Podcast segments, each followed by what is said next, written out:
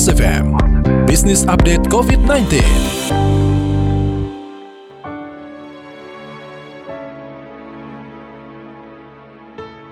Mitra bisnis, COVID-19 memporak-porandakan tatanan bisnis yang ada. Selain kesehatan, dampak terhadap ekonomi dan kehidupan sosial bermasyarakat berubah drastis. Pelaku usaha mengencangkan ikat pinggang bahkan menghadapi dilema PHK atau tidak untuk bertahan hidup. Di saat yang sama, pengusaha juga dituntut berinovasi cepat merubah bisnis model untuk seirama dengan ekspektasi pasar. Nah, untuk mengetahui lebih jauh soal ini, saya Mary Agustin telah bersama Adrian Gunadi, co-founder dan CEO Investri dalam PAS FM Business Update COVID-19. Pak Adrian, bagaimana update dampak corona terhadap bisnis fintech ini Pak? Ini sesuatu boleh dibilang pandemik yang cukup unik yang mungkin dialami sekali dalam 50 tahun atau 100 tahun. Nah, kalau kita lihat memang cukup unik dan memang banyak memberikan perubahan terhadap tatanan ya ekonomi, uh, kehidupan, uh, finance uh, secara umum gitu ya. Memang kalau kita lihat dari sisi fintech marketplace lending atau fintech lending, mana kita adalah sebuah pasar yang mempertemukan antara peminjam dengan pemberi pinjaman. Nah, kebetulan kalau dari sisi investri, fokus kami adalah uh, para peminjam itu adalah usaha kecil menengah ya. Dan uh, lebih spesifik lagi mereka yang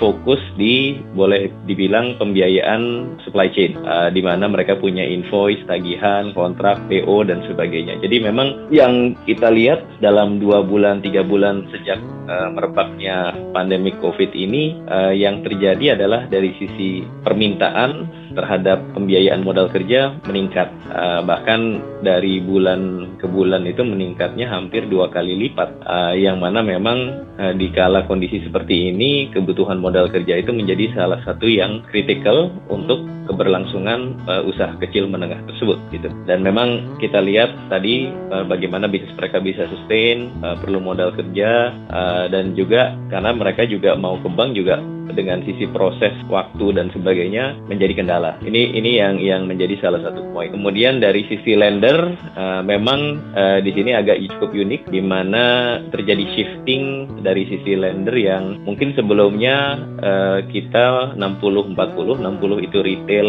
40 itu dari institusi. Uh, ini agak shifting ke 70 30. Jadi 70 dari sisi institusi, 30 dari sisi retail ya. Uh, hal ini tidak lain karena memang dari sisi retail individu mereka uh, shifting ke basic needs ya kebutuhan-kebutuhan pokok di kala pandemik ini gitu ya ini ini tren yang kita lihat uh, tapi kehadiran fintech lending ini justru sangat uh, dirasa uh, bermanfaat dan juga uh, kritikal terutama untuk mendukung uh, kebutuhan modal kerja dari usaha kecil menengah. Bagaimana juga dengan kemampuan peminjam dalam mengembalikan dananya, Pak? Yang pasti dari sisi risiko akan terjadi peningkatan sehingga memang yang harus kita lakukan adalah kita harus lebih selektif selektif ya dalam menentukan si peminjam mana yang layak ya. Nah, dari sisi investri sendiri kami menggunakan berbagai tools ya. Salah satunya ya kita punya scoring algoritma sendiri ya yang melihat uh, apa namanya uh, kemampuan bayar daripada si uh, calon borrower tersebut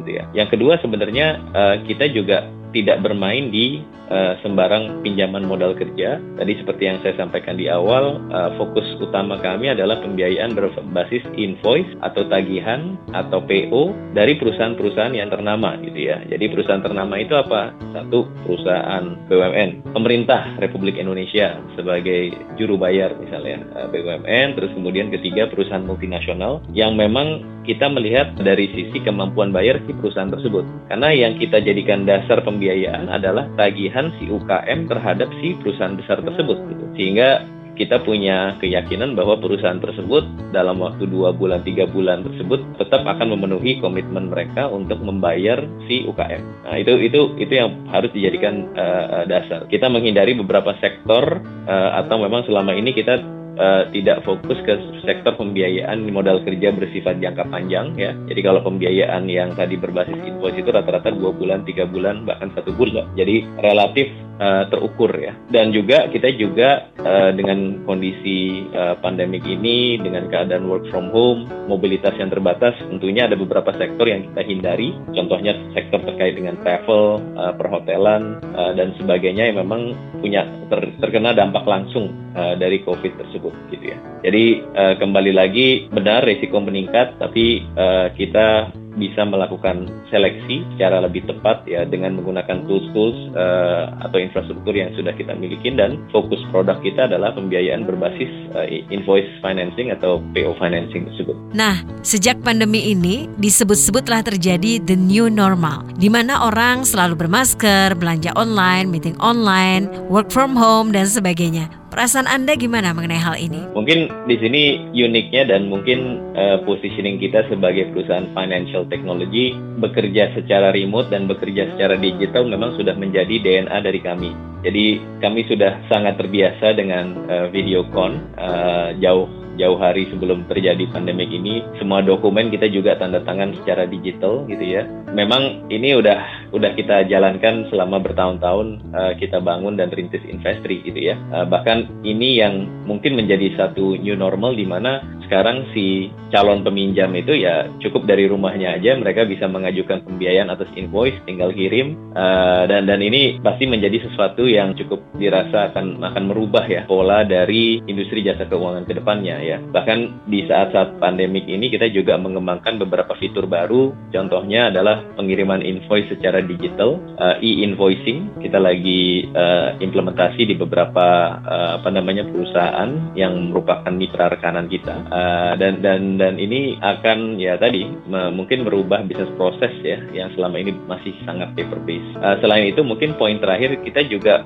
Investri kebetulan bekerja dengan banyak ekosistem. Ya. Salah satunya adalah dengan e-commerce, di mana kita membiayai juga para pelapak-pelapak dari e-commerce tersebut, gitu ya. Dan memang kita melihat uh, ini menjadi salah satu positioning yang unik, di mana uh, fintech itu bisa mendukung pertumbuhan di beberapa sektor ekosistem, uh, contohnya sepertinya e-commerce, gitu ya. Jadi memang kita lihat apakah ini new normal buat kita ini udah DNA kami ya, gitu ya. Uh, dan memang uh, mau tidak mau kondisi ini akan membuat para stakeholders lain akan mungkin melihat melihat kembali cara bekerja.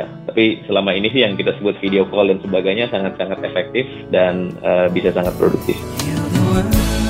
Demikian Adrian Gunadi, co-founder dan CEO Investri dalam Pas FM Business Update COVID-19. Saya Mary Agustin.